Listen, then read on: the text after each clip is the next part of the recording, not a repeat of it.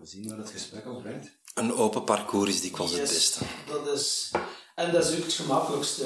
Geen voorbereiding, dan kun je nog verwonderd zijn van hetgeen dat iemand zegt. Want als je hem al gelezen hebt, ik ken u wel als u al, al seminars van u gevolgd, de MIR, eh, zo'n keer 12 uur coaching en zo, volledig jaar, was dat zeker? Ja. Dat is wel de moeite, dat is wel als Brabant. Ik ben het even kwijt, eh, in dat kasteeltje zeker, wat was dat?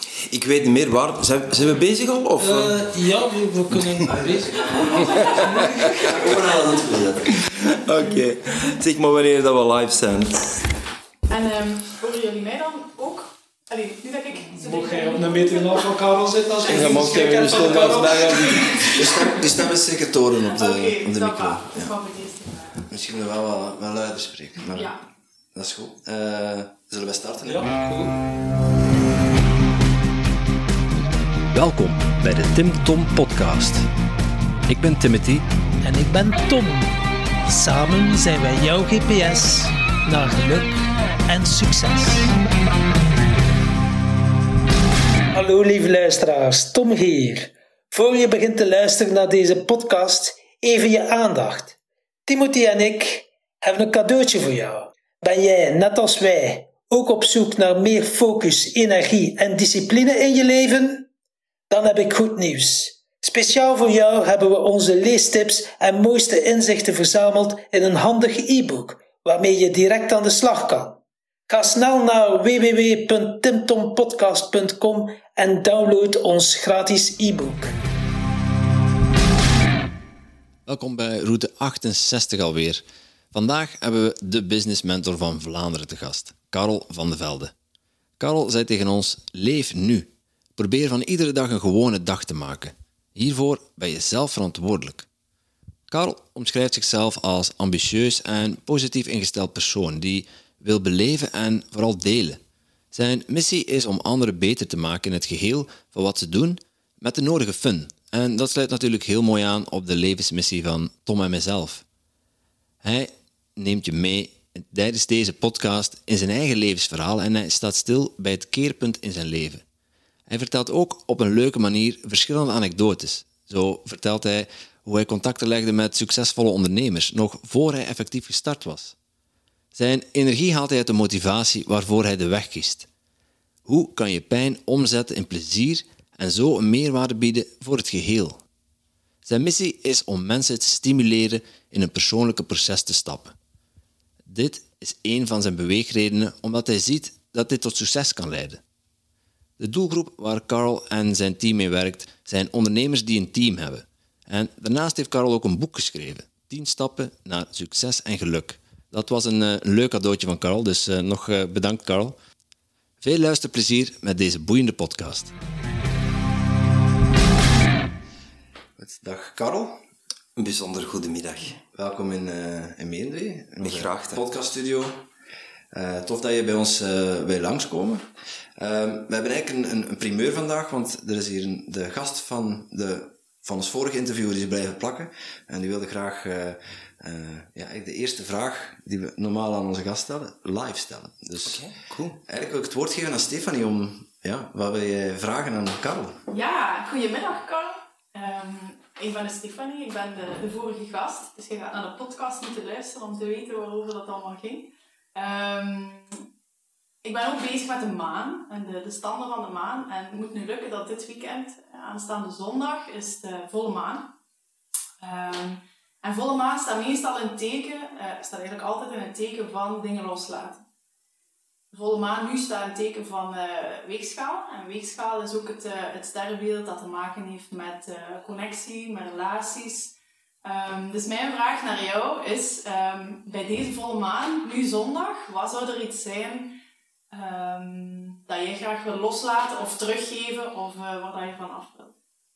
Mijn dochter noemt Luna trouwens. Oké. Dus eh, een maandje, om het zo te zeggen.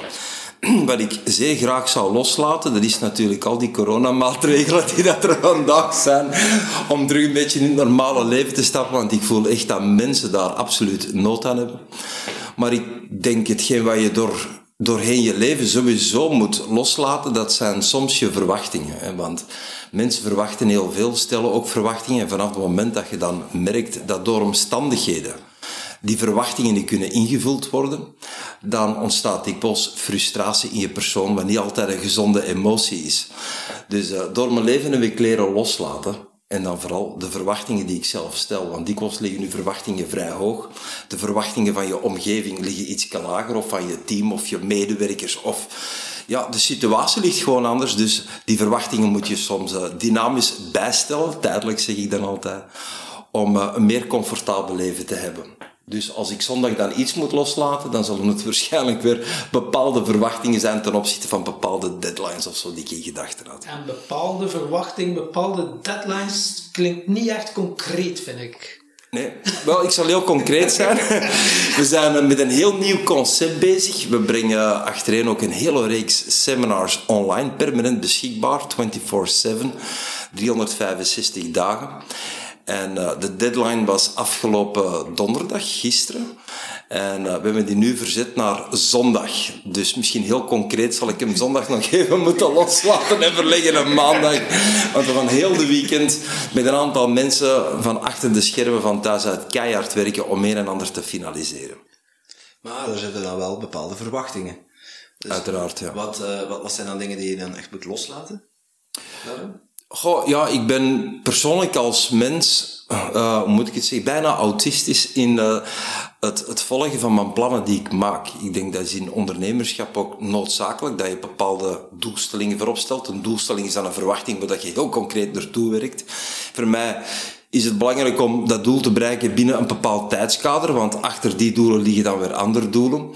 En dan stel je toch wel vast dat het leven soms een andere timing in gedachten heeft dan dat je zelf in gedachten hebt. En, en dan moet je bepaalde tijdskaders loslaten waar dat jij iets wilt realiseren. En dat zie je bij, dikwijls bij mensen en op bedrijven. Er komt heel veel druk en stress, omdat mensen nu opgeleverd krijgen tegen een bepaalde datum. Ja, en de kunst is om dat dan heel concreet los te laten en een nieuwe datum te stellen en terug met een nodige fun factor er naartoe te werken. Ja, die fun is wel belangrijk ook natuurlijk. Ja. Want uh, voor mij is dat de, ja, de intrinsieke motivatie om uh, ja, aan iets te beginnen en ook om het vol te houden. Uh, natuurlijk kan ik me ook wel voorstellen als je bepaalde druk voelt, dat hebben we ook al gehoord in de podcast, maar ik heb die druk nodig, ik heb, ja, anders presteer ik niet. Hoe, kijk jij dat tegenaan? Ik denk dat is uh, persoonsgebonden. Uh, persoonlijk, ik ben extreem goed tegen druk. Ik ben een last-minute persoon. Ik stelde vroeger in school mijn huiswerk altijd uit tot het laatste moment. En dat is vandaag eigenlijk nog zo.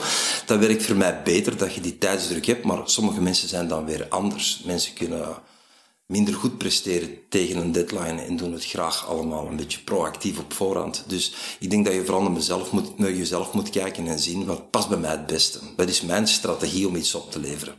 En wat is jouw strategie om iets op te leveren?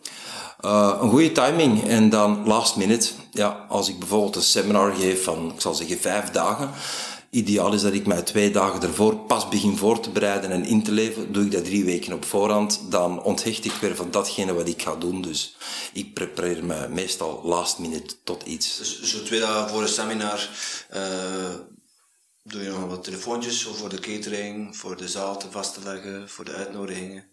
Of... Nee, die dingen zijn allemaal door mijn team heel professioneel gestructureerd, gepland en geregeld.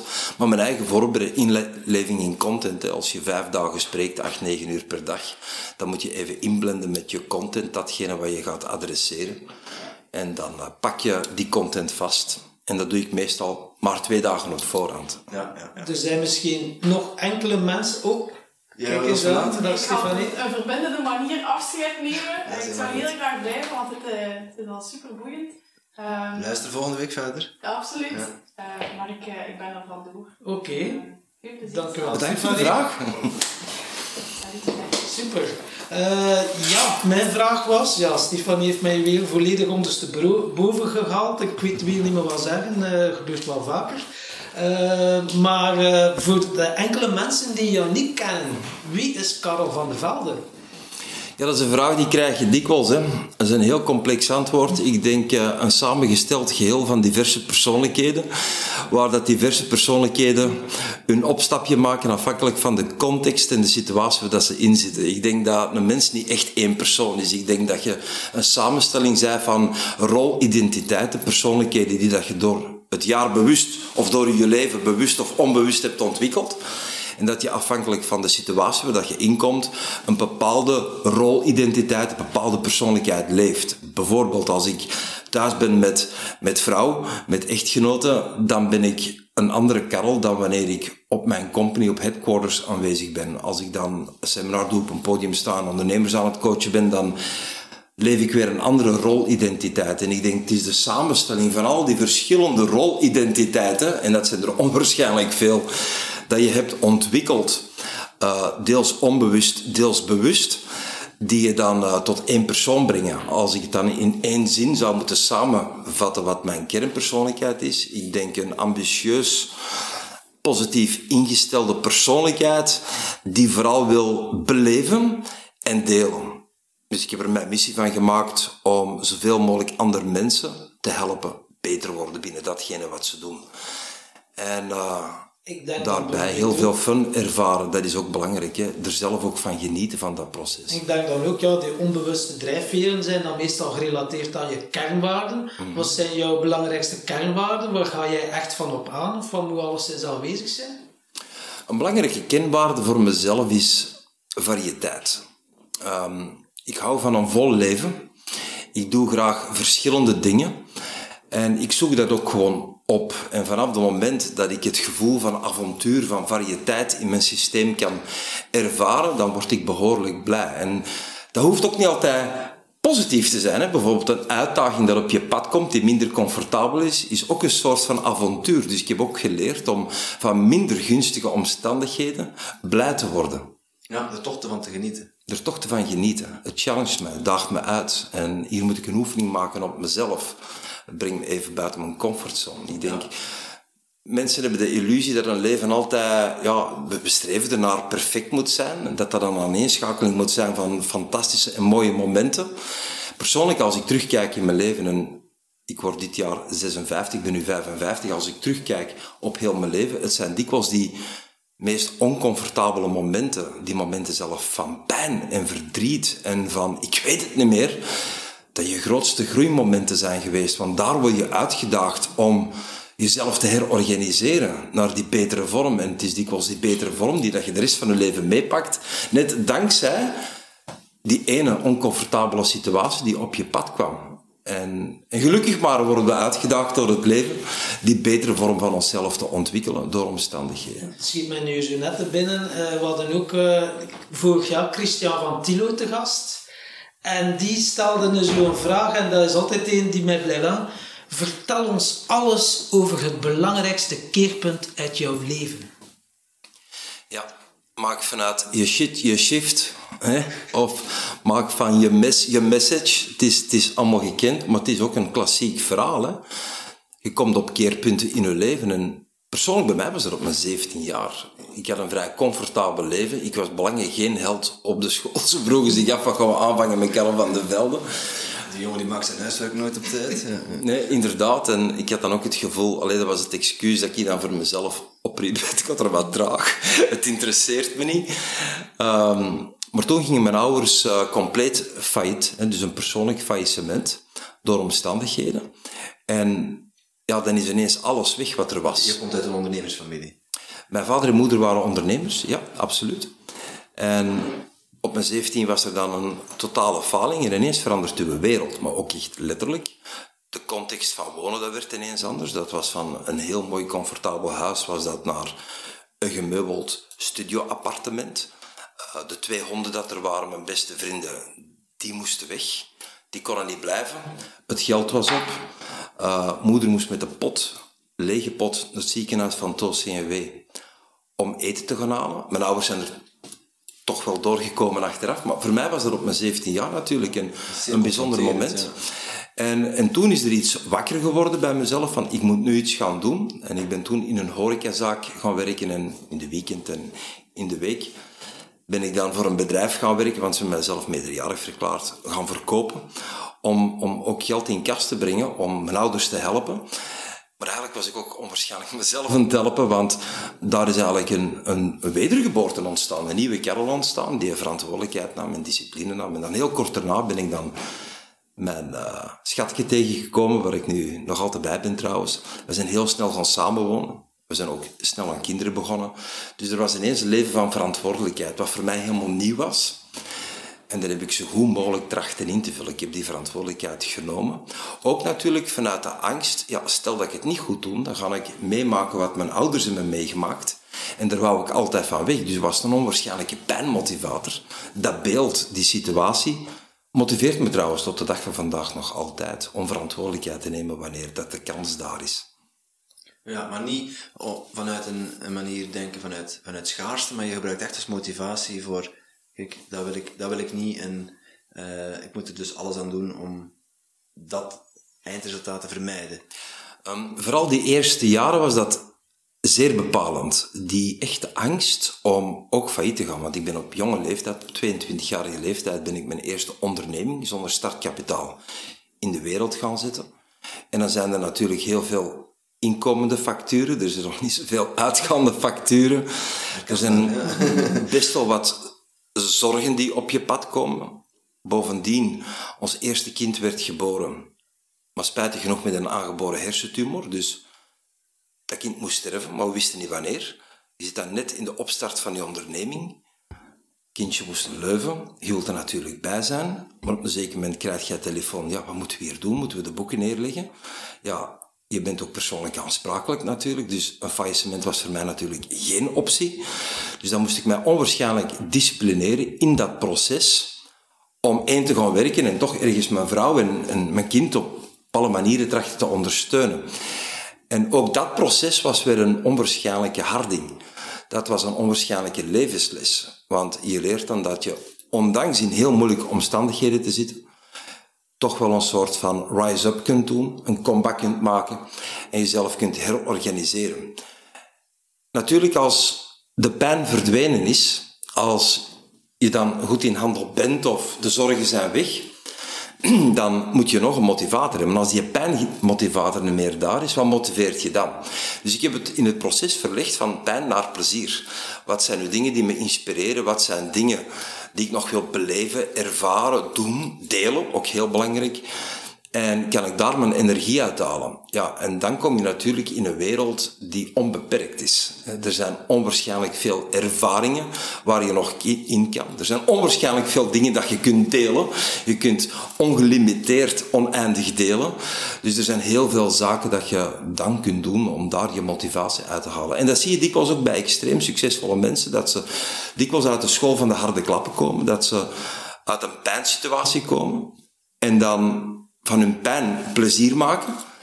Ze creëren nieuwe doelen en ze worden plotseling heel gevend ook. En daar zit heel veel energie in. Loskomen van eigen belang en iets doen voor het grotere geheel.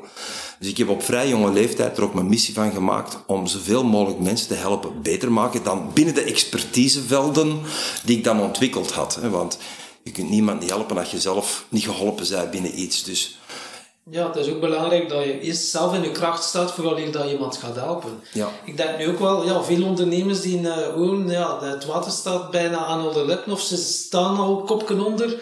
Uh, wat concrete tips kan je uh, ondernemers meegeven die nu bijna op failliet staan, nu wel in deze bijzondere tijden? Ja, hang in there. En hang in there binnen ondernemerschap. Het hoeft niet te zijn binnen de sector waar dat je in zit de stiefvader van mijn vader, dus mijn stiefgrootvader, dat was de Lasser Smit. En die zei altijd van, alles wat te heet of te zwaar is, dat moet je laten vallen. Dus als je huidige onderneming gewoon te heet of te zwaar is om nog te dragen als er geen uitkomst is, dan denk ik dat het verstandig is om een plan B te organiseren. En vele ondernemers denken datgene wat ze nu vandaag doen met een onderneming, een zaak. Je, pakt, je hebt een horecazaak, om het heel praktisch voor te stellen. En je zit al zoveel tijd dicht en het geld is op. Ga je dan reorganiseren? Zijn er dan andere dingen die je kunt doen binnen ondernemerschap? Die misschien minder startkapitaal vragen, iets minder risico vragen, maar dat je toch terug kunt beginnen. Want vanaf het moment dat je een nieuw doel hebt, dan vind je terug die energie. Je begint terug die goesting te krijgen en je werkt je terug vooruit. En ja, in het beste geval zit je met twee zaken die op een zeker moment terug goed draaien. In het slechtste geval moet er één loslaten, maar heb je nog, heb nog een ander.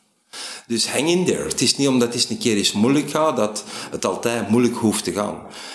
Ze hebben trouwens in de Verenigde Staten ooit eens een experiment, of tenminste een, een, een soort van studie gedaan. En wat bleek, is mij ooit eens verteld, dat 1,9, wacht, hoe was het nu weer? Uh, nee, van alle zelfmade miljonairs zijn gemiddeld 1,9 keer failliet gegaan. Dus... Dat is bijna twee keer eigenlijk. Bijna twee keer. Dus een faillissement is, is eigenlijk geen schande. Dat hoort eigenlijk ook wel bij ondernemerschap. Ik zelf heb er nog geen gehad. Ik zeg bewust nog geen, want je weet nooit wat er komt. Ik werk er absoluut van weg, niet naartoe. Maar mijn vader heeft er drie gehad in zijn leven. Dus, en het komt altijd wel goed als je doorzet op een verstandige manier en dikwijls u laat begeleiden, want dat is wel belangrijk. Omring je met mensen die je voeden met kennis, die mogelijk een oplossing hebben voor het antwoord waar dat jij mee zit. En dat zien we ook bijvoorbeeld in onze programma's. Mensen zitten met een vraag al die jaren, ze hebben geen oplossing. Ze stellen die vraag en op twee, drie minuten tijd hebben ze een antwoord. Omdat iemand anders heeft mogelijk dat proces waar dat jij in zit, al meegemaakt. Al meegemaakt. Ja, dat is de kracht van een mastermind eigenlijk. Hè? Dat is de kracht van een mastermind. Mensen moeten verbinden met elkaar praten. En je moet vooral praten met mensen die, die ook gevend zijn en, en die ja, lief staan. Gewoon een expert zijn, verder staan in hetgeen wat jij aan het ontwikkelen bent. En wie zijn dan zo jouw uh, rolmodel? Met wie heb jij ze omringd om het uh, ja, pad van ondernemerschap uh, eigenlijk wel succesvol te bewandelen? Dat is eigenlijk een, een bijzondere vraag, Allee, een bijzonder antwoord op, op een eenvoudige logische vraag. Toen ik um, helemaal in het begin van mijn ondernemerschap stond, dan uh, had ik het heel moeilijk. Ik was heel hard aan het werken. Ik werkte 17 uur per dag, 7 op de 7. Dus er was heel weinig ruimte voor levenskwaliteit. En het werkte frustrerend voor mij om te zien dat er ja, ondernemers waren die een onwaarschijnlijke levensstijl aan het leiden waren. En vrijheid hadden en konden genieten. Wat het allemaal gaan doen als ondernemers. Ja, dus met een mooie auto rijden en uh, mooie huizen. En, worden dikwijls door ja, mensen die in de handel zitten bewoond. Zeg, wat, wat, mis ik nu? En ik heb natuurlijk het, het thuistraject, hè, dat een paar keer is goed gegaan, maar ook een paar keer echt is fout gegaan. Met mijn ouders heb ik dat dan gezien. Zeg, ik moet toch de code ergens kunnen kraken zelf als ondernemer. En ja, ik ging dan naar recepties en bijeenkomsten waar ondernemers bijeenkwamen. Ik heb mezelf lid gemaakt van zo'n bepaalde clubs. Ja, en iedereen stond er dan met een glas wijn of een glas champagne of de fruitsap in zijn hand. En, en Karel, de jonge ondernemer, ging dan tegen de mensen in hun arm eh, aantitsen. Zeg, mag ik eens een vraag stellen? ik stelde dan een heel relevante vraag voor mij, waar ik graag een antwoord op wou hebben.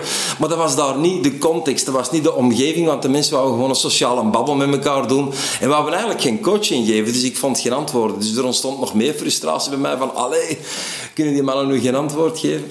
En, en toen ben ik zo geïnspireerd geworden door Paul Jambers, die reporter, die had toen dat programma Jambers op televisie en die stelde ze vragen van wie zijn ze, waar leven ze, wat doen ze, wat drijft ze. En ik zeg, ik moet, ik moet ook zo'n vragen gaan stellen, ik kon de reporter in mezelf wakker maken en ben toen echt een projectje opgestart, gewoon tussen mijn werkuren door, door ik ga gewoon succesvolle ondernemers bevragen. Maar ja, waar vind je die dan? En wie zijn dan succesvolle ondernemers? En mijn idee was, oké, diegene dat de grootste advertentie in de Gouden Gids kan betalen, die zal wel een succesvol bedrijf hebben. Dus ben ik dus een bepaalde sectoren gaan zien in de Gouden Gids. Oh, maar die met een grote advertentie. voor, voor, de, voor de luisteraars, de Gouden Gids, dat is zo'n boek waar dat, uh, telefoonnummers en informatie in staat, toen dat Google nog niet bestond. Ja, ja, ja, het is echt, ik spreek nu, ja, ik ben van 1965, hè. Dus, de, ja, dus het pre-Google tijd tijdperk. En dan uh, ja, mensen die adverteerden om hun bedrijf te etaleren. En die er best wel wat... Dat waren de hutmannetje. Dat was jouw maatstaf. Van, als je een advertentie in de Gouden Gids kunt veroorloven, dan... Die een dubbele advertentie. Daar ging ik wat verder onderzoek naartoe. Ik ging een keer voorbij. Ah, een groot bedrijf, een groot industriepand. Oh, dat zal wel een succesvolle ondernemer zijn. En dan bel ik daar naartoe. En dan krijg je meestal een bediende, een receptioniste of een telefoniste aan de lijn. En zeg van, ja, goeiedag, ik ben Karel van de Velde. Ik ben reporter en ik schrijf eh, een rapport over de denkende doelpatronen van uh, succesvolle ondernemers. Ik zou graag de zaakvoerder een keer interviewen, ik kan hem even doorverbinden. En als je dat met een zwaar stem zegt en overtuigend genoeg, 9 van de 10 had je dan de zaakvoerder aan de lijn. En dan de eerste vraag die ik altijd stelde van, zeg, mag ik eens een vraag stellen? ben nu de persoon welke verantwoordelijk is voor het succes van deze onderneming. En dan krijg je ook al meestal mijn eerste ja. En dan zeg ik van, hey, ik ben Karel van de Velden en zeg, ik doe een onderzoek naar eh, de denkende doelpatronen van succesvolle ondernemers. En ik zou u graag een keer interviewen. En uh, ik nodig je uit in een restaurant. En dan had ik zo een twee-sterren restaurant geselecteerd in Antwerpen. Dat was toen de tijds voor Anthony van Dijk, die had twee sterren. Ik nodig uit voor een lunch of een diner. En eigenlijk had ik daar niet echt de centen voor. Dat was eigenlijk een giga-investering om mensen daar uit te nodigen. Ik dacht, maar ja, dat restaurant zal de impact dat wel maken. En zo zal ik wel een ja krijgen. En dat was ook. Er waren wel mensen die zeiden, oh, dat interesseert me, die doet niet aan mee. Maar de meeste ondernemers eigenlijk, die ik gewoon bevroeg, die gingen er wel op in. En dan zorgde ik ook dat ik eh, een degustatiemenu had eh, geregeld met aangepaste wijnen. En dan sprak ik ook af uh, met meneer Van Paasbrugge, de eigenaar van het restaurant. Zeg, kun je wel rijkelijk schenken? Want ja, hoe meer wijn dat er wordt geschonken, hoe gemakkelijker komen de antwoorden. En dat waren onwaarschijnlijk inspirerende gesprekken. En wat mij onmiddellijk opviel, dat was dat die mensen waar ik mee... Dat zijn nu niet de klinkende namen zoals ik ze vandaag kennen, maar dat waren wel zaakvoerders van, van serieuze KMO-bedrijven, dat die de openheid hadden om kennis te delen. En ondanks dat ik weinig voorstel... Dat is straf, hè? Ja. Dat is straf hoe open die mensen zijn. Want wij, het, wij pakken hetzelfde verhaal wat jij, wat jij net vertelt. Uh, wij hebben ons de lunchje gespaard en wij zijn gewoon een podcast gestart.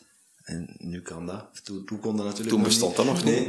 Maar ja, wij, wij krijgen bijna nooit een nee. Van, als je, van, ja, maar oh, en die grote namen, en hoe kom je dan bij jullie in de podcast? Ja, vragen de mensen, vragen. Ja, Vragen staat vrij. En ja, we zien het ook hier. Uh, de bereidwilligheid om, om, om te willen delen. Uh, ja, daar kun je van profiteren hè, als, als startende ondernemer. Ja, van duidelijk, duidelijk te hebben van, oké, die mensen wil ik spreken. Ja, vraag het ze gewoon. Eigenlijk zeg jij zo'n beetje de Napoleon Hill van de Vlaanders dan. Hè? Die is ook succesvolle mensen gaan interviewen. Het was wel Edison die het hem al gevraagd wilde. Ga een keer onderzoeken eh, de successtrategie van succesvolle mensen. Maar je hebt dat ook toegepast, als ik het dan zo begrijp. Wel, ik heb een boek ook gelezen, hè. Denken wordt rijk van Napoleon Hill. Dat was ook een van de eerste boeken die op mijn pad kwamen. En een onwaarschijnlijke bestseller is dat geweest. En daar stonden ze... Maar ja, in het begin was ik zo heel fanatiek. Oké, ik ga daar mijn mosterd talen. Maar ik heb dat speelveld gelijk verbreed. Hè, want je moet verschillende strekkingen binnenhalen om een opinie te kunnen vormen hoe dat kan zijn. En ik ben altijd geïnteresseerd geweest, hoe gaat er nu de code kraken? Hè? Bijvoorbeeld, dat begint dan als ondernemer, hoe, hoe moet ik het nu aanpakken? Hè? Is er een alchemische formule om succesvol te ondernemen? En dikwijls staat die formule niet in één boek, of in één opleiding, of vind je die bij één persoon. Wat ik heb vastgesteld, na best wel wat zo ondernemers hebben geïnviteerd dan in dat fantastische restaurant. Trouwens, een leuke anekdote, ik wil dat er even bij vertellen. Ja, er komt dan ook de moment van de rekening dragen. En ik was dan best soms zenuwachtig, want sommige ondernemers waar ik mee aan tafel zat, die hadden een voorkeurwijn dat ze wouden drinken. En ik zei er ook van, wilt je de aangepaste wijnen nemen? Of, of wilde ze in de wijnkaart zien? Ik had weinig verstand van wijnen. Dus ja, en ik zag soms wel een keer een wijn ja, gekozen worden, dat ik toch wel wat ongemakkelijk werd van het getal dat er aan de rechterkant naast stond. Dat was ook percentage Nee, dat was de prijs. En, dan, en dan komt die rekening eraan. Maar wat dus dikwijls voorviel, was dat ja, de ondernemer in kwestie, die ging even naar het toilet en kwam dan terug. En ik vroeg dan de rekening, dan zei de mede, dat is al geregeld. Dus ik had ineens ook een strategie gevonden om gratis op restaurant te gaan. Dus, en, en meestal wordt dan gezegd, geef maar eens een keer terug dat je de gelegenheid hebt. Want natuurlijk, vanuit mijn kwetsbaar, want ik vertelde dan natuurlijk in dat gesprek ook dat ik een startende ondernemer was en dat ik effectief rapporten schrijven was en dat ze daar dus ook een uitdraai van zouden krijgen. En ze waren ook vooral geïnteresseerd. Wat hebben die andere ondernemers gezegd die bij jou rond tafel zaten? Dus er ontstond ook een wisselwerking. Ik kon ook teruggeven in dat gesprek. Ik was nog niet 100% aan het leven, maar ik was al aan het coachen. En dan ben ik beginnen toepassen datgene wat die mannen allemaal hebben verteld. Want het waren voornamelijk mannen. Er waren in die periode, kan je je voorstellen, begin jaren 90, eind jaren 80 waren er nog niet zo heel veel vrouwelijke ondernemers. Dat is gelukkig veranderd. Er zijn nu ook heel veel vrouwelijke ondernemers in het speelveld. Maar toen waren dat voornamelijk mannen. En die zeiden van, geef een keer terug. En dat is altijd blijven hangen. En vanaf het moment dat ik de gelegenheid heb gevonden om ook terug te geven, ben ik dat ook gaan doen. En zo ben ik ook in die, in die wereld geraakt van professionele En ontwikkeling. je hebt en ook, eh, als ik me niet vergis, je hebt u letterlijk rijk geboord. Gaatjes boren in de deur. Ja, dat, ik heb me niet rijk geboord, om het zo te zeggen. Maar het is wel een aanzet geweest op een zeker moment. Als ik dat verhaal, eh, eh, je, Ja, je prospecteert nu dat verhaal. Op een zeker moment, ik kwam met, mijn, met Maureen, dat is mijn, mijn, mijn echtgenote, of ik ben de man van Maureen, ik zal het juist zeggen. En we woonden op een heel klein studio in de Kaasstraat in Antwerpen. En uh, ik reed met een, een hou Honda Civicje. Ik geloof dat er 150.000 kilometers op stonden. En we hadden nog 1500 frank op de kast liggen. En ik werkte voor een bedrijf als verkoper in dubbele beglazing. En ik had een auto nodig, uiteraard, om te werken. En met een joint de collage, die gaat kapot, dus met een motor blaast op, voor de mensen die een joint de collage niet kennen. En mijn auto was kapot. En ja, ik zat natuurlijk in de stress, want er moest een huishuur betaald worden, we moesten ook eten, er moest ook een nieuwe auto gekocht worden. Wat moesten we nu doen? En uh, die werkte in de artistieke sector als danseres, als ballerina. Dus ja, dat, dat inkomen was ook niet zo spectaculair. Dus ik zeg, shit, ik zeg, hier zitten we echt in de penarie. En ik stelde vast in, tijdens mijn verkopen en de prospectie die ik deed voor het bedrijf waar ik werkte, dat mensen in een appartementsgebouw soms ongemakkelijk de deur van hun appartement open doen, omdat ze nu kunnen zien wie dat ervoor staat. Dus dat je eraan belt of klopt, meestal wordt er beneden gedaan, maar ik had een tactiek gevonden dat je gewoon binnen geraakt in het gebouw en je belt dan bij de mensen gewoon of je klopt aan de deur aan. Dat je direct een verbinding hebt en dat het gemakkelijker is om, om de mensen van iets te overtuigen. En uh, ik had vastgesteld dat de mensen soms hun deur niet graag open doen, dat de eerste 30 seconden dikwijls communicatie was tegen een gesloten deur. Dus ik dacht bij mezelf, als ik nu eens van die deurkijkgaatjes, van die spionnetjes, ga verkopen en placeren, dan kan ik de mensen daarmee helpen en daar kan ik misschien iets mee verdienen. Dus ik ben met mijn leste geld ben ik naar een ijzerwinkel gegaan en heb ik een boormachine op batterij gekocht en twee spionnetjes, meer kon ik er niet kopen. En ik ben dat gaan verkopen en dat ging vlot. Dat eerste was direct verkocht en ik moest dat erin steken. En ik boor een gat door de deur, maar die deur versplinstert helemaal langs de andere kant, omdat ik de verkeerde boor mee had. Dus die verkoper in die ijzerwinkel had mij niet het juiste advies, of tenminste de juiste boor verkocht. Ik zeg, shit. Ik zeg, Juist, de juiste boor, maar niet het juiste advies. Ja. Van, misschien een klein gaatje voorboren. Ja. Nee, je had een speedyboor nodig om dat te doen, heb ik dan onmiddellijk geleerd. Dat, dat was uw eerste deur, dus ja. Uh, verzekering, ik weet niet of die erin zat. Ja, verzekering die was niet afgesloten natuurlijk, dus ik zat daar met een uitdaging. Dus ik zeg tegen dat mevrouwke, dat mevrouwke van van achter in de 70 jaar, ik zeg mevrouw, ik zie de firma gaat dat regelen, we gaan heel uw deur renoveren, dat komt in orde, geen paniek. Ik ga nu onmiddellijk naar het magazijn, ik kan dat oplossen, ik kan een en ander halen, want ik wil uw spionnetje er vandaag nog insteken en ik ga dat even tijdelijk repareren. Zeg maar, we gaan u een volledig gerenoveerde deur geven, dat komt allemaal in orde. En dat was ook mijn overtuiging. Ik moest dat met hem helpen. Ik zat ermee, dus ik kwam terug naar die ijzerwinkel. Ik leg dat vooral eruit. Ja, die mannen gingen er allemaal plat van het lachen natuurlijk. Maar ik had geen speedyboor nodig. Ik zeg, ja, dat straks niet kunnen zeggen. Ik krijg dus een speedyboor. En ik krijg ook een heel grote, mooie, koperkleurige rozas mee. Dat ik dan achter dat spionnetje kon steken. Ja, voor de luisteraars misschien moeilijk om dat plastisch uit te leggen. Maar als je dan van buiten die deur, tegen die deur aankijkt, dan zag je zo een heel groot rond koper ding achter dat spionnetje steken. En dat was de tijdelijke oplossing. En dan ben ik op zoek gegaan naar een bedrijf die de renovatie deden van binnendeuren. Zo ben ik bij een Duitse company terechtgekomen die een franchise-structuur hadden in uh, België. En die mensen konden dan die deur repareren. Ondertussen had ik wel de code gekraakt hoe dat je dan spionnetjes moest steken. En dat ging eigenlijk heel vlot op een zeker moment plaatste ik zo van die 15 tot 35 van die spionnetjes per dag. Dus ik verdiende daar onze boterham mee, kon terug een nieuwe auto kopen en kon het huis weer betalen. En dan heb ik dat bedrijf de opdracht gegeven om, om die deur daar te laten renoveren, maar om daar ook ineens een echte veiligheidsdeur van te maken. Dus die mevrouw kreeg eigenlijk voor de prijs van een spionnetje een volledige veiligheid, een panzerdeur om het zo te zeggen. Dus die was onwaarschijnlijk gelukkig en blij. Die heeft heel veel reclame voor mij gemaakt. En dat bedrijf, ja, die vonden mij vooral zo ludiek dat die mij voorstelde, wilde die bij ons komen werken. En dat ben ik dan gaan doen en op een zeker moment, ik was dan 21 jaar, ik zie deze is een handel die goed werkt. Ik zeg, kan ik geen franchise-onderneming van jullie beginnen? Maar ze vonden mij veel te jong, ze wouden hun verkoper ook niet kwijt. En dan heb ik beslist om een eigen bedrijf in diezelfde sector te gaan opzetten. Dus hoe dat eigenlijk ja. Ja, 1500 frank op de kas en geldtekort kan leiden als je het spoor een beetje volgt. Hè, naar, Dat is eh, noodzaak. Dat is noodzaak, maar ook Ja. ja. door omstandigheden moest je ook creatief zijn. ja, En- inderdaad. Ehm, je hebt dan ook in, in die situatie eigenlijk meer gegeven dan dat je beloofd had. Je ging namelijk de deur repareren en je hebt er gepantserde deuren gestoken. Waardoor dat mensen ook weer enthousiast worden en reclame maken over, Ja. over wat dat je doet. Ehm, is dat iets wat, dat, wat je nog steeds toepast, op bewust, onbewust niveau, met, met de klanten die je vandaag de dag helpt?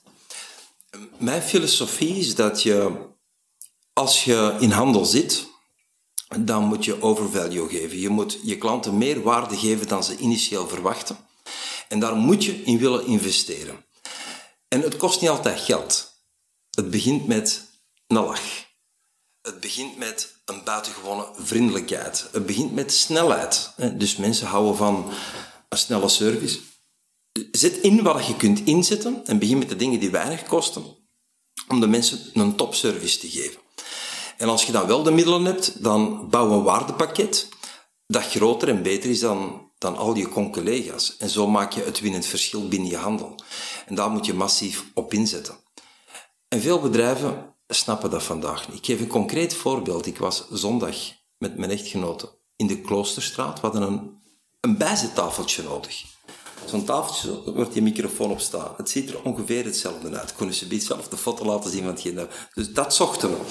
En we lopen een zaak binnen. En ik had foto's genomen van ons interieur, want er is recent vernieuwd. Om te kunnen zien in de winkel van, oké, past dat tafeltje wel in ons interieur? En we komen in een zaak binnen. Prachtige zaak. Schoon ingericht. Twee, drie verkopers liepen er rond. En er stonden geurkaarsjes, muziek, sfeerlichting. Top. Sfeer, gezelligheid. Alles was daar. Om eigenlijk, ah ja. En er stond effectief een bijzettafeltje, maar dat was een apart bijzettafeltje. Dat had zo'n struisvogelpot eronder. Ik zeg, oh, dat is apart. En ik zet me in een zeteltje naast dat tafeltje, een beetje zo, zoals ik nu zit. En ik neem een telefoon en ik neem een, een foto van dat tafeltje, om dan die te swipen naast de foto van ons interieur en te zien, ziet dat eruit. En ineens komt die verkoper eraan en zegt, meneer, hier mogen geen foto's genomen worden. Oké. Ik zeg, ah, nee, dat mag niet. Maar nogal gebiedend.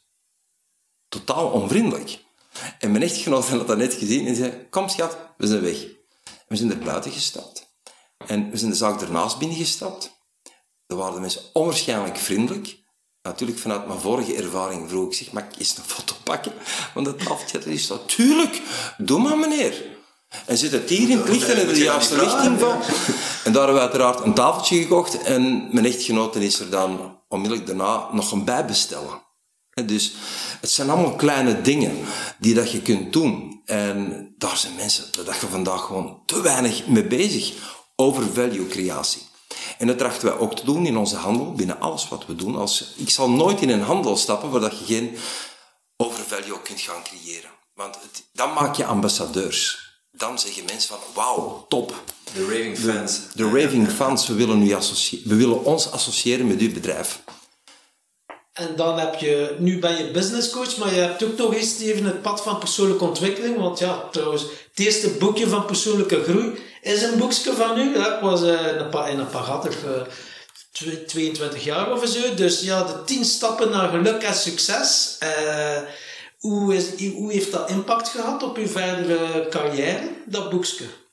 Of wat, wat was de reden dat je dat boekje geschreven hebt eigenlijk? Wel, ik ga dat vertellen. Ehm, op een zeker moment, ik ben, ik ben seminars beginnen organiseren voor ondernemers in 1996. Dus dat was ervoor. Hè. Dus dat, ik was al langer bezig. En dan vooral was ik eh, opleiding in het verzorgen rond eh, verkoop. Verkoop en het organiseren van je werking. Want ik heb altijd gedacht van... Ik hou van, weet je nog, variëteit in mijn systeem. En ik blijf niet te lang graag vasthangen in bepaalde activiteiten. Dus ik heb mijn ondernemersleven zo weten te organiseren dat ik constant nieuwe projecten kan opstarten. En mensen vroegen zich wel eens af, want na een jaar of laat ons zeggen, zes, zeven was ik marktleider in Vlaanderen met mijn organisatie. Ik was nog vrij jong, ik was nog geen dertig. En mensen vroegen zich af, wat doet Karel van der Velden eigenlijk? Want we zien die altijd een leuke levensstijl hebben, maar we zien die nooit niet werken. Maar dat was omdat mijn bedrijf was omgezet naar een zelfwerkend systeem. Waar het marketing en verkoop twee belangrijke domeinen in zijn, want ja, je kunt eender welk product hebben, als het niet gekocht en verkocht wordt, dan blijf je er zelf mee zitten, dus dat is belangrijk, die handel moet, moet werken. Maar daarnaast moeten ook al je procedures en je systemen goed geregeld zijn. Dus ik was daar al seminars over aan het geven. Op een zeker moment, ik dacht bij mezelf, onze, onze tweede zoon was geboren en, en die had al een bepaalde leeftijd, dus in 2000, dus mijn zoon was tien jaar. En ik dacht bij mezelf, stel dat er nu een boom zou oversteken terwijl ik aan het reizen met een auto, dan zou ik een bepaalde kennis, een bepaalde levensfilosofie niet, niet meer kunnen achterlaten, kunnen meegeven. Dus ik kan dat in een manuscript zetten. Ik kan, ik kan dat schrijven. En dan kan ik dat manuscript kan ik achterlaten, dat kan ik ergens leggen. En dan kan mama altijd zeggen tegen zoon van hier, papa heeft dat ooit geschreven voor u. Dus dat was het idee. En dan noemde tien stappen naar succes en geluk. En ik zat toen samen met een journalist van de Gazet van Antwerpen. We waren aan babbelen toen en dat ging over mijn seminars. En die zag dat manuscript liggen. Dat lag op mijn kantoor, daar lag er een dubbel van.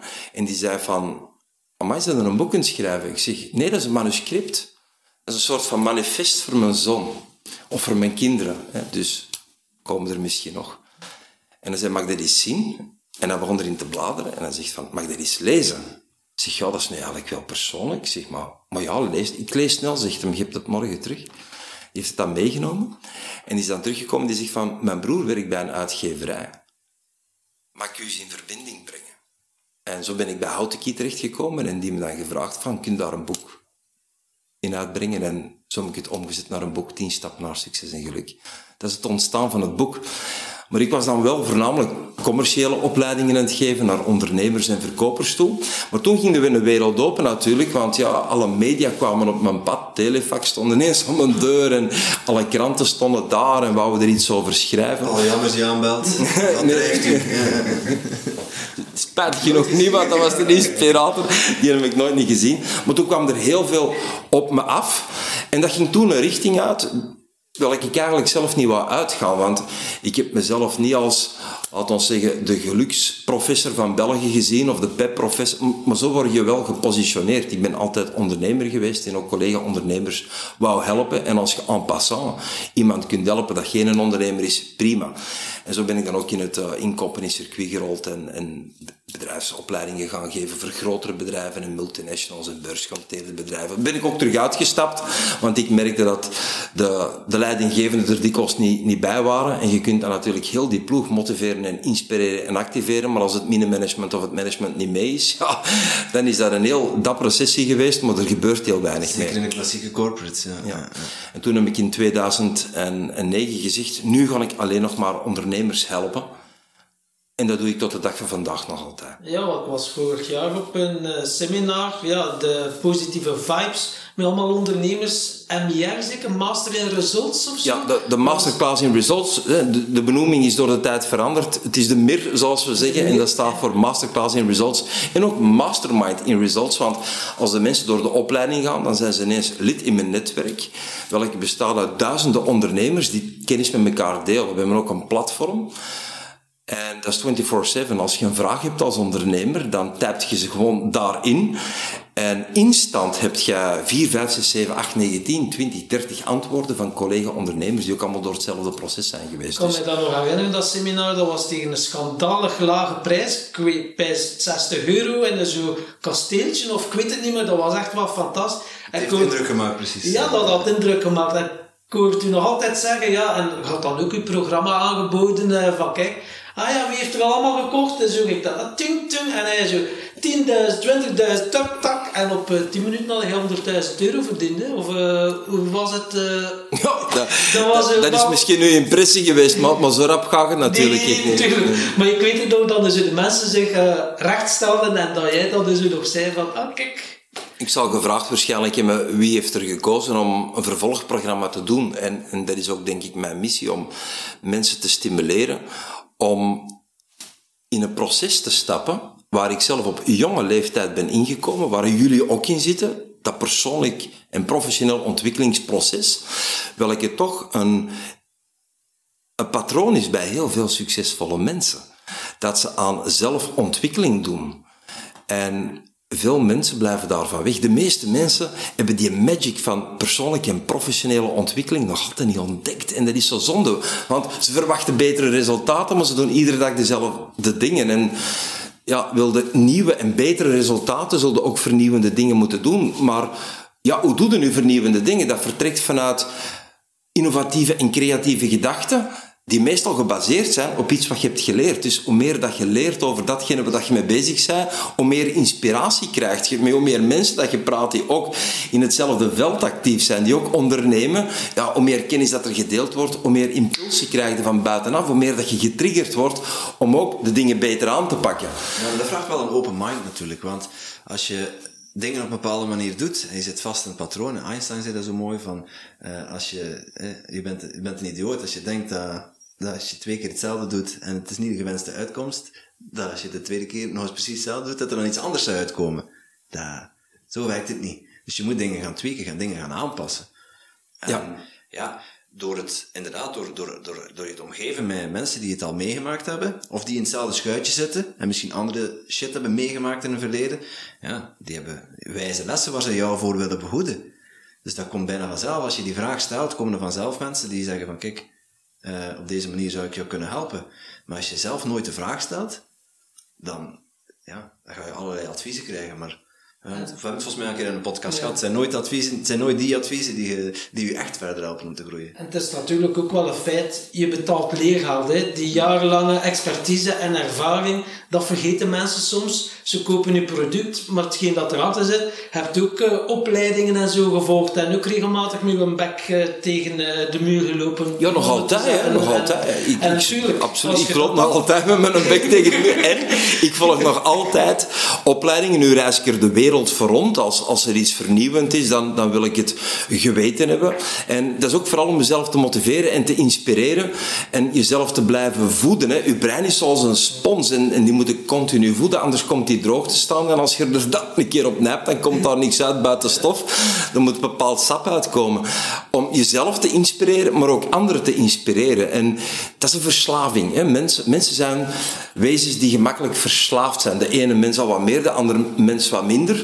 Maar kies voor de juiste verslaving. En persoonlijke en professionele ontwikkeling is bij mij altijd een verslaving geweest. En dat is de magic dat ik nooit wil loslaten. En waar ik ook andere mensen absoluut mee wil inspireren. En er zijn onwaarschijnlijk veel organisaties en partijen die opleidingen geven. Dus het hoeft zeker niet altijd bij ons te zijn. Doch is het zo dat mensen dikwijls af van een opleiding omdat het gewoon saai is. Dat is ook de associatie die we dikwijls hebben met de school. Het is saai om in de klas te zitten. Waar is de fun natuurlijk? Ja. Waar is de fun factor? En, en daar hebben wij gelukkig, heb ik zelf als mens, omdat dat ook hoort bij mij natuurlijk ware aard, bij mijn persoonlijkheid op ingezet. Het moet een funbeleving zijn, dus mensen moeten vanaf dat ze toekomen in een bepaalde sensatie komen. Heb je waarschijnlijk ook meegemaakt, een vibe. De spreker op zich, ja, die moet natuurlijk niet saai zijn, die moet vanuit zijn hart gewoon transporteren naar de mensen die in de zaal zitten. En dat moet een oprecht en echt verhaal zijn. Ik denk dat dat belangrijk is. Dus never teach something waar dat je geen expert in bent. En heel veel mensen die vertellen over dingen waar ze zelf nooit praktijkervaring in hebben genoten. En dat vind ik zonde. Hè, want je speelt toch wel met het kapitaal van mensen. Hè? Mensen van aan de slag met datgene wat je vertelt. Dus ik zal alleen maar dingen vertellen die ik zelf doorleefd heb. En dan kun je het ook vertellen met voorbeelden. Storytelling is belangrijk. En de stories die dat je vertelt, die moeten ook echt zijn. Die moeten doorleefd zijn. Die moeten vanuit jezelf komen. En dan is er natuurlijk ook het stukje verbinden. Hè? Als je een klimaat creëert waar dan mensen gelijkgestemden kunnen tegenkomen. Want het is niet zo evident, hè? zelf in een winkelstraat. hè? Alle retail staat vandaag onder druk. Maar praten die mensen met elkaar? Ja, wanneer praten ze met elkaar? Als ze bij de winkelvereniging eens een keer elkaar met een glas champagne ontmoeten. Maar dan is het meestal... Ja, was dat bord van, uh, van, de, van de buurman uh, te ver op uh, over de lijn staat. Ja, zoiets. En, en dikwijls oppervlakkige smalltalk. Maar als je mensen samenbrengt die er allemaal energetisch op gericht zijn om elkaar te stimuleren en vooruit te werken, dan ontstaat er magie. Dan ontstaat er een onwaarschijnlijke magic. Dat is ja. fantastisch. En, en, en ja, ja, ik ben blij dat ik dat ik gewoon ooit dat pad ben ingerold. Want ik ben er eigenlijk ingerold, want ik ben in eerste instantie vandaag nog altijd ondernemer. Hè. Ik ben nog altijd aan het ondernemen. Maar ik vind het fantastisch dat je ja, dat je dagelijks mensen kunt helpen. Dat is nu ook mijn grote frustratie een beetje. We zijn door COVID een jaar aan banden gelegd. Allee, ik heb niet stilgezet, ik ben heel hard gaan werken om, om nieuwe concepten te creëren. Maar, maar je zit nu met die beperking, je kan het wel online doen, en, maar het is toch anders dan in die live omgeving. En, als de mens de eh, mens echt bijvoorbeeld- Nu bijvoorbeeld, ja, mensen zijn nu zeker geïnspireerd naar al die mooie verhaal. Een startende ondernemer, kan die zomaar zeggen, oké Karel, ik kom hier aan je deur kloppen. Heb je een programma voor startende ondernemers of wat is uw doelgroep van ondernemers? Mijn doelgroep, ik zal zeggen, de- het grootste deel van mijn klanten, dat zijn ondernemers die met een team zitten, met een team van medewerkers zitten tussen de, laten we zeggen, vanaf drie mensen tot twintig mensen. Generaal gezien. Hè. Ik heb klanten met meer dan 300 medewerkers. En ik heb ook klanten die zelfstandig zijn zonder personeel. De ZZP'ers, zoals ze in Nederland zeggen. Ehm startups, ja, is ideaal dat die bepaalde programma's bij ons volgen, zoals de Masterclass in Results, omdat ze dan natuurlijk ineens alle kennis meenemen die ze kunnen implementeren om hun bedrijf succesvol te maken. Dat is een vijfdaags programma waar ik stap per stap coach hoe dat je je bedrijf tot een winnende organisatie, tot zelf marktleider kunt gaan organiseren. En dat kan je maar beter op jonge leeftijd nemen. Nu, ik start met een nieuw concept waar ik nog niet te veel over kan vertellen. Maar we brengen dingen online heel toegankelijk. En ik produceer ook een free programma voor start-ups. Zodanig dat ze die kennis ook gewoon kosteloos, zonder dat ze daarin moeten investeren, tot hun kunnen nemen. En ik denk, zo ga ik eh, heel wat met, want er gaan nog heel veel start-ups komen, ga ik nog heel veel jonge zijn er veel failliet gegaan en die ondernemers, die voelen het ergens toch wel een beetje kriebelen. En als ze ja, dan een nieuwe, een nieuwe start willen maken, dan Ja. is alle hulp welkom natuurlijk. Ja, Absoluut. mooie momenten. Maar ook met onze live events. Ik heb me altijd verplicht om meer non-profit free seminars te doen. Dan, je zei, ik heb daar een heel klein bedrag betaald en we kregen er heel veel value Ja, over terug. Dat is ook weer value-driven ondernemen. Als je eerst geeft en je laat zien wat je waard bent, dan kunnen de mensen zelf oordelen wat dat je waard bent. Dat is de hond van de buurman, van de ik. buurman. Die wordt helemaal, helemaal enthousiast. hè. Ja, om, eh, om het in eh, de dierenterminologie te zeggen, when you pay peanuts, you get monkeys. Hè. Dus je moet wel ook bereid zijn om iets te investeren, want dan krijg je de good stuff. Ik herinner mij, ik kwam van mijn verslaving af en ik had iets gehoord van hypnose. Ik zocht ten eerste de beste, de goedkoopste. Mocht de volgende dag al gaan. Oké, leg die maar neer. En hij kwam dicht bij mij en hij rook zelf een sigaret. En ik dacht, allee, ik zei, hij is zelf verslaafd en hij gaat, hij gaat het ermee afhelpen. Dan ben ik gaan zoeken en kwam ik in Nederland terecht. Wel een master, al mijn spaar gehaald, maar ik ben wel naar Nederland gegaan. En daar heb ik het wel geleerd van de master. Dus je doet wel een investering, maar je krijgt wel een veelvoud terug. Ja. Ik denk dat jij ook wel op die manier werkt. Ja. Ja, allee, ik denk, het, het moet toegankelijk zijn. En gelukkig is er ook de Vlaamse overheid die voor een stukje subsidieert. Als je door de Vlaamse overheid erkend bent als opleidingsbedrijf, dan kunnen je klanten ook 30% tot een bepaald bedrag subsidie genieten. En dat is een prachtige initiatief. En ik hoop ook dat ze dat blijven doen, want dat stimuleert mensen ook om die vorming te genieten. Ja, met KMO-portefeuille. Het KMO-portefeuille is toch een aanzienlijk deel dat, dat wordt bijgedragen en, en ondernemers zullen het ook nodig hebben. Hè? Want we zitten nu ook in een nieuwe wereld. Hè? Dus er zijn onwaarschijnlijk veel dingen veranderd. Ik heb de inhoud van mijn programma's onwaarschijnlijk moeten upchunken. Want alles, het koopgedrag van mensen is veranderd. De stijl van verkopen is veranderd. Hoe dat we vergaderen is veranderd. Hoe dat een medewerker werkt binnen een bedrijf is veranderd. En er zijn bepaalde zaken die gewoon permanent zijn. Hè? Het is, eh, Plus, jij krijgt energie van voor, voor een zaal te staan en eh, daar te shinen en die boodschap te zenden. Ja, nu moet het allemaal digitaal. Het is toch een heel andere dynamiek. Je moet ook ander, op een andere manier die connectie maken met mensen. Ja. Goh, het, gaat, het gaat minder om het shinen, dat wil ik gelijk zeggen. Want vanaf het moment dat je dat doet, is dat er van, vanuit een bepaald eigenbelang. En dat is een fout die heel veel sprekers maken, die ik in het begin ook heb gemaakt. Ik ging op het podium staan voor mezelf, bij wijze van spreken. En hoe goed ben ik als spreker, maar dan miste wel de verbinding met je publiek. Je moet er echt staan, los van eigenbelang, om mensen te helpen op een oprechte manier. En dan ontwaak je ook een onwaarschijnlijke energie in jezelf. Dat is het die is- die ik, ik bedoel. Ja, Oké. ja, ja. En natuurlijk, ja, dat kan je ook voor een camera. Hè. Dus je, je kan wel voor een camera staan en je helemaal smijten. Het enige wat wat je mist, dat is letterlijk de onzichtbare fysieke verbinding. Die dat er wel is als je in een live omgeving zit met mensen. De vibratie als je 300 of 500 of, of 100 mensen of 20 mensen. En 500, die energie is veel groter dan dat je met 20 mensen in een zaal zit. Als een paar honderd mensen lachen of zeggen, ja, hier willen we vergaan. Ja, die, die force die gaat gewoon door de zaal en dat is prachtig om te voelen. Het is ook geweldig dat je zelf kunt ombrengen met een paar honderd andere ondernemers die ook goesting hebben om te gaan knallen met hun zaak. Er ontstaat een magic. En, en dat mist natuurlijk wel online, dat is inderdaad zo. Maar ik geloof wel in het hybride model. Ik denk, we zullen nu gemakkelijker kleine dingen kunnen doen online. En vanaf het moment dat we terug live gaan, en zich laten we hopen, hè, Ja. dat die moment er op een zeker moment echt terugkomt, dat we terug kunnen live gaan en, en wij mikken op het najaar. En Het is onvermijdelijk dat moment, maar Ja. wanneer het komt... ja, voilà. Maar als dat gaat gebeuren, ja, dan gaan mensen denk ik echt massief, massief echt naar terug die live experience gaan. Want we willen elkaar toch allemaal terug een high five en een knuffel geven. Toch denk ik dat er weer ook wel weer een... Die gaat die, die gaat die ene kant... Nu is alles digitaal en mensen zitten opgesloten. Dus dan heb je, als mensen terug vrijgelaten worden, die, die, die drang naar buiten toe. Dat terug echt connecten met mensen, elkaar vastpakken. En ja, gelijke stem dan opzoeken op seminars, et cetera. Maar dat je daarna toch wel weer een balans krijgt tussen die hybride vorm. Ik geloof daar heel hard in. Ja, absoluut. Ja, ik, en het is ook wel ergens goed dat dat gebeurt. Want ik moet heel veel reizen voor mijn werk. Eh, maar zo'n podcast bijvoorbeeld hadden we ook online kunnen doen. Maar wij vinden dat dat niet, dat is niet hetzelfde. Die dynamiek is heel anders. Omdat je voor een gesprek ook wil zien, ja, hoe, wat, is, wat is de non-verbale communicatie? Er zit ook heel veel in. Ehm, maar aan de andere kant, ja, voor een overleg van een uurtje, hoef ik niet meer in, in een auto te zitten, hoef ik niet meer naar Amsterdam te rijden, bij wijze van spreken. kan gemakkelijk een Zoom-call doen. Ik doe mijn laptop open, ik heb een Zoom-call. Voorheen werd dat niet geaccepteerd, omdat mensen het niet kenden. En er waren een enkeling die het kende. En nu gebruikt iedereen het. En nu wordt het opeens veel makkelijker. Het wordt ook veel makkelijker om iemand er snel even bij te trekken. Dus daar zit er dan wel de, de winkans. Wij merken het zelf ook hoor. Ehm, maar die, eh, ja, dat online leren, of hè, het zenden, ontvangen via de computer, maar dan ook op, op een dieper niveau connecten met mensen. En wij hebben dat geprobeerd om in een soort buddy systeem te werken, met die mini-masterminds, waarbij je dan toch die, ja, die magie wel creëert.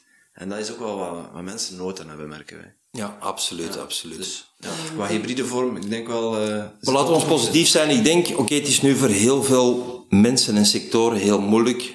Sommige sectoren lopen nog altijd fantastisch goed. Maar ik denk dat we op een moment komen dat we in een nieuwe dynamiek, werelddynamiek zitten, ook in een nieuwe wereldeconomie zitten. En het zal wel weer beter gaan. Hè. Dat is zo typisch. Ja, mijn, mijn grootouders zeiden vroeger in onze tijd. En dan zeiden mijn ouders oh, vroeger in, in onze tijd. En wij zullen ook ooit zeggen vroeger in onze tijd. Maar ik denk de nieuwe tijd is anders. En het is maar de betekenis dat je eraan geeft. En het is ook maar de voordelen dat je er zelf in opzoekt. En ze zeggen, in elke generatie heb je wel een oorlog. En als eh, corona onze vijand is, is dat wel een chille oorlog. Hè? Uiteindelijk. Als Ja. dat toch oorlog moet zijn, dan, eh, je ja, die sneuvelt, en, dan is dat toch wel een chille oorlog. Hè? Ja, je hebt toch nog wel wat vrijheid en wat dingen. Het is niet dat... oeh. En eh, ik zie dat een tijd genadeloos in ons nadeel tikt, want je hebt nog een afspraak. En we hebben nog enkele ja, interessante vragen. Wat Goed. is jouw definitie van geluk? Dat is zo door de tijd ook wel wat getransformeerd. Ehm, ik heb daar heel veel onderzoek naar gedaan, omdat ik vaststelde in die gesprekken met succesvolle ondernemers dat sommige ondernemers heel succesvol waren, maar toch niet gelukkig waren. En toen kreeg ik op jonge leeftijd toch wel de impuls van wacht, ik mag niet in die valkuil trappen. Dat ik mij volledig verlies in de ondernemerschap en daarnaast gewoon gelukkig word. Want ja, als je natuurlijk 17 uur per dag aan het werken bent, 7 op de of 14 uur per dag aan het werken bent, om het juist te zeggen, 7 op de 7. Eh, en er is ook nog een schatje. Ja, ik ben ooit eens een keer thuisgekomen, de koffers stonden klaar en het was geen vakantie. Eh, mijn vrouw geeft mij een signaal van, nu is het tijd dat er iets verandert. En je zit zo geobsedeerd. Zijn er met je ding bezig. Dat is niet je... van, we gaan, volgende week, we gaan een weekje naar Mallorca. Daarom Nee, dat nee, ze, was, ze zei van, ik kom terug bij mijn ouders. En eigenlijk was ze mijn coach. Ze was een soort van pijn aan het creëren, die voor mij dan heel realistisch was. Want ja, ik, ik, ik zag haar letterlijk vertrekken. Ze was niet van plan om definitief te vertrekken, heb ik achteraf gehoord. Het signaal wel gegeven, maar, Maar ze ik had het wel niet- ze begrepen. kwamen niet door bij de jongen. Ik had het wel begrepen. En ik denk dat, dat het belangrijk is dat je toch een bepaalde geluksbeleving... Geluk is een emotie en dat is geen permanente emotie. Dat is maar tijdelijk. En ik denk dat je regelmatig in die emotie moet kunnen zijn om je goed te voelen als mens. Dus ik ben gaan onderzoeken, wat is nu... Wanneer zijn mensen ongelukkig? En mensen worden ongelukkig vanaf het moment dat ze minder hebben van datgene wat ze waarderen. Wat al voor iedereen anders is.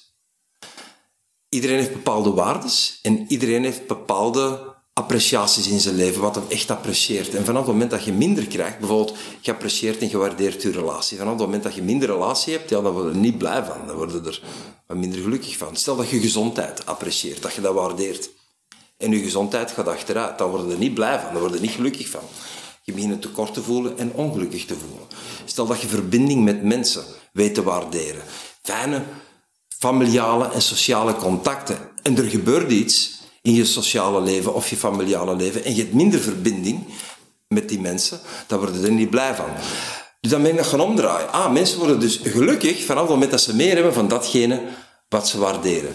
En dat klopt inderdaad zo. Doch mag je er ook weer niet in overdrijven, want als je te veel begint te verwachten, dan leg je de lat zo hoog dat je je ook in een moment bent niet kunt genieten en gelukkig voelen. Dus het is een proces dat je... Als ik daar ben, dan ben ik gelukkig. Ja. En elke keer die lat, die, die, of die, die worst, die, die aan een stukje, de wortel, eh, gewoon ja, erachteraan blijven rennen. En als ik er ben, dan, dan ben ik gelukkig. Maar het is het ook niet. Ik denk, het is, een, het is een dans tussen datgene waar dat je naartoe werkt, wat je nog wilt ervaren, wat je nog wilt verbinden, leren, met wie dat je wilt omgaan. Maakt niet uit. Ik zeg, het geluk zit er eerder in de beleving dan in het bezit. Hè. Dat heb ik geleerd, dat materieel bezit, dat is iets waar je gemakkelijk afstand van kunt doen. Die les heb ik ook al eens moeten leren in het leven. Ik moet het nu loslaten. En, en meestal als je dan iets bezit en hebt, hoe fantastisch dat ook is, die bevrediging daarvan is maar tijdelijk. En dan, dan zeg je, what's next? Dus het zijn, bezit zijn eerder symbolen. Symbolen voor jezelf tot waar dat je geraakt bent in je leven. Ik denk het echte geluk zit, zit hem echt in de experience, in de beleving. En ik denk dat je daar een hele goede dans moet maken tussen dankbaarheid en wat wil ik nog beleven. Want we hebben al zoveel waar dat we gelukkig over mogen zijn, dikwijls veel meer dan andere mensen, die dan heel gelukkig zijn binnen een beperkte experience dat ze hebben. Dus ik denk dat je die maatstaf voor jezelf goed moet creëren. Ik heb ook wel geleerd dat je je eigen moet leren kennen om gelukkig te zijn. Dus als ik dan puur naar mezelf kijk, om een voorbeeld te geven, wat ik vooral nodig heb als mens, dat is variëteit in mijn systeem, beleving. Zet mij te lang in eenzelfde situatie, in eenzelfde context, Misschien heb ik of zo, dat kan niet. Ik ben bewegelijk, ik doe graag dingen, ik hou van avontuur en beleving en nieuwe dingen ontdekken en leren. Maar dat kun je op een heel gemakkelijke manier organiseren. Er moeten geen toeters en bellen voor verwerven om dat te kunnen doen. Dus heel gemakkelijk kan ik mij erin werken en kan ik onwaarschijnlijk gelukkig zijn. Nu, je mocht mij van alles geven, maar als er geen variëteit in het verhaal is, dan word ik alsnog ongelukkig. Dus dat heb ik geleerd over mezelf. Andere mensen hebben dat weer net met zekerheid. Als ze zekerheid ervaren, dan zijn ze gelukkig. Maar is er heel veel onzekerheid en onduidelijkheid, ondanks dat ze alles hebben om gelukkig te zijn, maar net door die kleine onzekerheid zijn ze dan ineens ongelukkig. Dus dat is voor jezelf een zoektocht. En ik doe er ook programma's rond. Ik heb er ook een meerdaags programma rond, waar ik echt ga graven met de mensen naar hun natuurlijke zijn. Daar gaan we ontleden, iedereen voor zichzelf, wat nu zijn kernwaarden zijn en zijn kerndrivers zijn. En vanaf het moment dat je leven in verbinding daarmee kunt organiseren, dan kun je in een instant gelukkig zijn. En dan word je waarschijnlijk succesvol. En laat dat nu net onze volgende vraag zijn. Wat is de definitie van succes? Ik kan nog even terug op, op het gelukkig zijn, Yes. want hoe dat je dat dan ook organiseert. Op een zeker moment er doen zich dingen voor in je leven die je uit evenwicht brengen. Er gebeurt iets. En dat kan iets heel dramatisch zijn. Een verlies van een dierbare. Dat kan zijn dat je dak waait van je huis. Word je niet blij van. Hè? Ja, een ontslag, faillissement, corona, ja, noem het maar op. COVID, is vol met corona. Ja, Allee, ja. Ik bedoel, we kunnen de middag vullen met voorbeelden wat er allemaal verkeerd kan gaan. Ik heb geleerd dat het is niet... En een van mijn mentors, Tony Robbins, dat is een man die ik ben gaan modelleren. Hoe sta je nu op een podium? Hoe pak je dat aan? Hoe kunnen nu een paar dagen achter elkaar vanuit uw buik spreken? Dat is een bijzonder rolmodel geweest op een zeker moment in mijn leven. Die zei gewoon, het is niet wat je overkomt, het is wat je doet met datgene wat je overkomt. En ik had ook natuurlijk het verlies van ons eerste kind meegemaakt en hoe ik dat zelf verwerkt. Ik ben toen een tekst gaan uitschrijven voor mezelf. Als een soort van credo om dingen te kaderen als de dingen is tegenslagen. En eigenlijk komt het erop neer vanaf het moment dat jij de betekenis weet te veranderen aan datgene wat je overkomt naar een meer positieve betekenis. En dat gaat daarom niet altijd direct in instant. Daar heb je dikwijls wat tijd voor nodig om dat te kunnen doen. Vanaf die moment voelt het allemaal veel gemakkelijker en kom je er gemakkelijker door. Dus ik denk dat je, een ook om succesvol te zijn, moet je een expert worden in het kader van de dingen die je overkomen. Je moet rapper een positieve betekenis geven aan datgene wat je overkomt. Zoals heel die corona shit, geeft daar gewoon een positieve betekenis aan. Maar zoek die ook op. Wat is nu de positieve wat zijn de positieve dingen in heel dit verhaal? En neem dat mee vanuit deze ervaring. Ja, wat kun je vanuit je eigen verantwoordelijkheden doen of ondernemen om, ja, om de situatie te verbeteren voor jezelf? Uiteindelijk is pijn jouw goudmijn, hè?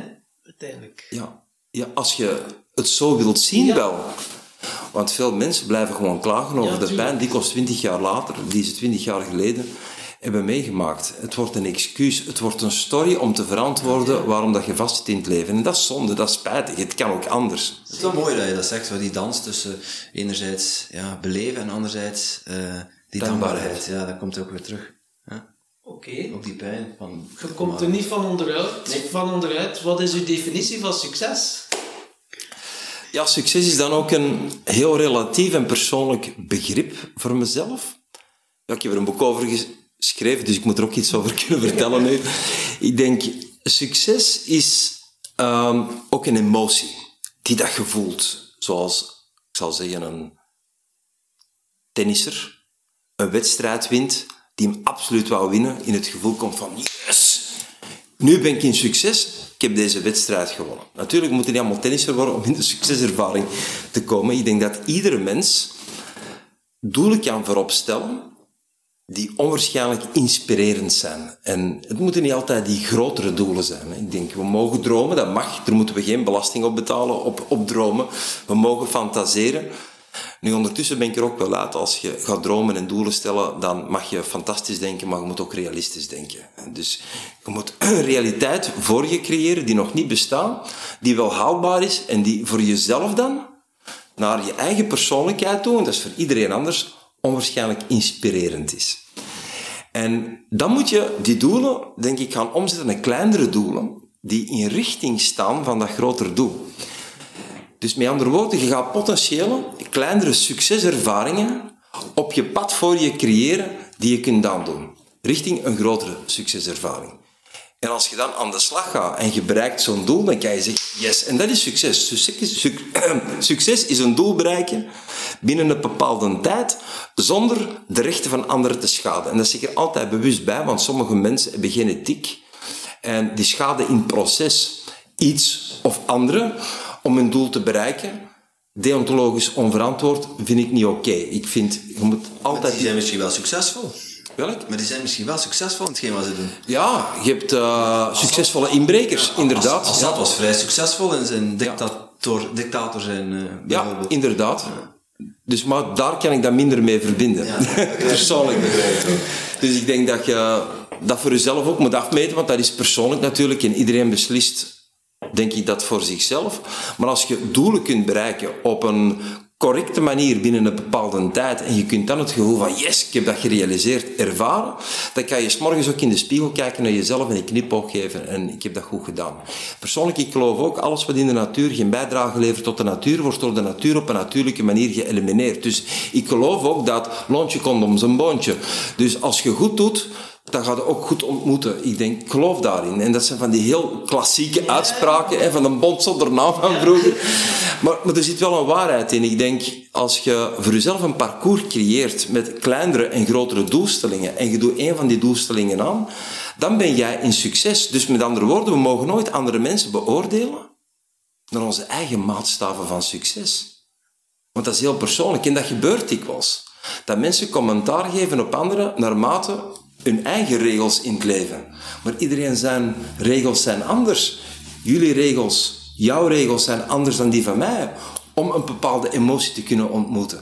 En vanaf het moment dat je voor jezelf hebt kunnen definiëren wat jouw toekomstig succes dan wel zou kunnen zijn, en je onderneemt dan actie en je werkt er naartoe, dan ben je eigenlijk aan het genieten in het proces. Want je bent met iets bezig wat je iets positiefs gaat opleveren.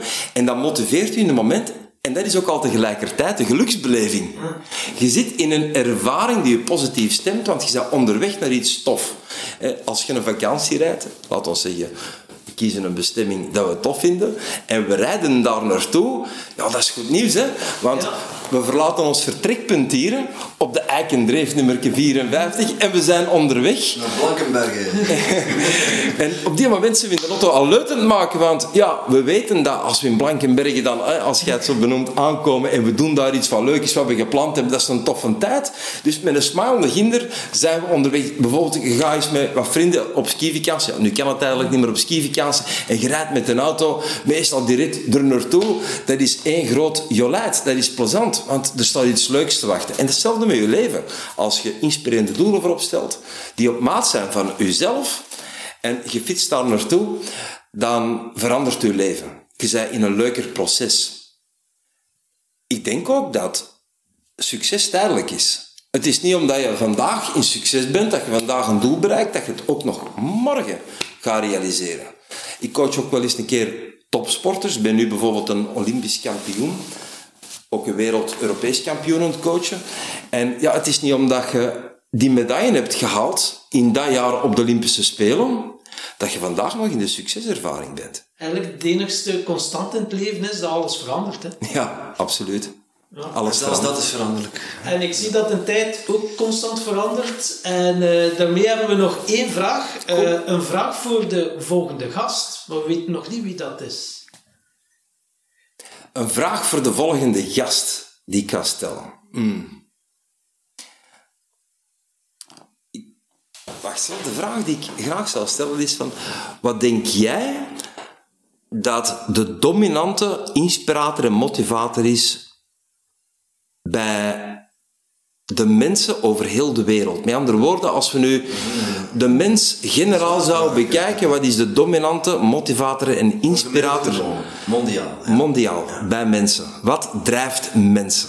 Wauw, dat is een mooie vraag. Ik ben benieuwd. Dus jij komt dan terug naar Meerdere om die te stellen, hè? Dat was dat. Hoe vonden jullie het gesprek eigenlijk? Super. Super. Dat is, eh, Fantastisch. dus- Heel veel positieve vibes. En ik had ook niet anders verwacht. Ja, uw energie is aanstekelijk. Hè? En dat motiveert en inspireert ook wel andere mensen om echt wel die keuze te maken of die volgende stap te zetten. En dat hebben de meeste mensen nodig. Dus ik kan me wel voorstellen, iemand die in jouw programma zat, ja, dat is gewoon dat stapje voor eh, ja, de, de peper in het gat en dan knallen met die ballen. Of, Dat is, eh, dat, is, ja. dat is wat mij het meest is bijgebleven ook, ja. Die doelen stellen en dan actie, hè. Mensen, kom in actie. Want ja. Ja, doe iets. alles gaat er niet geraken. Dromen, stof, maar je gaat nooit succes ervaren als je er niet mee instapt. Wishing and hoping Stap will never do bootje. the job. Maar dat zie je ook soms, dat mensen bijvoorbeeld, ik zie wel eens, eh, en niet altijd ondernemers, ook gewone mensen, alleen gewone mensen, de ondernemers zijn ook gewone mensen, maar dat mensen stoppen met hun professionele activiteit. Hè. Bijvoorbeeld, je gaat op pensioen en de loopbaan, dikwijls gaat het dan niet beter daarna met mensen. En ze denken dikwijls van, ah, we zullen dat gaan doen hè, als we op pensioen zijn. Maar dikwijls, als ze dan op pensioen zijn, hebben ze de goesting niet meer Ja, om dat te doen. meer de Of de vitaliteit, de energie niet meer om dat te doen. Dus leef nu. Ik denk dat dat belangrijk is in tracht van iedere dag een gewonnen dag te maken. En daar ben je natuurlijk zelf verantwoordelijk voor. Mooi. Mooie slotwoorden ook. Dankjewel. Eh, tot slot, eh, misschien als mensen meer informatie willen over, over jou, Karel, of over wat jij doet, eh, waar kunnen ze dan terecht? Eh, heel gemakkelijk.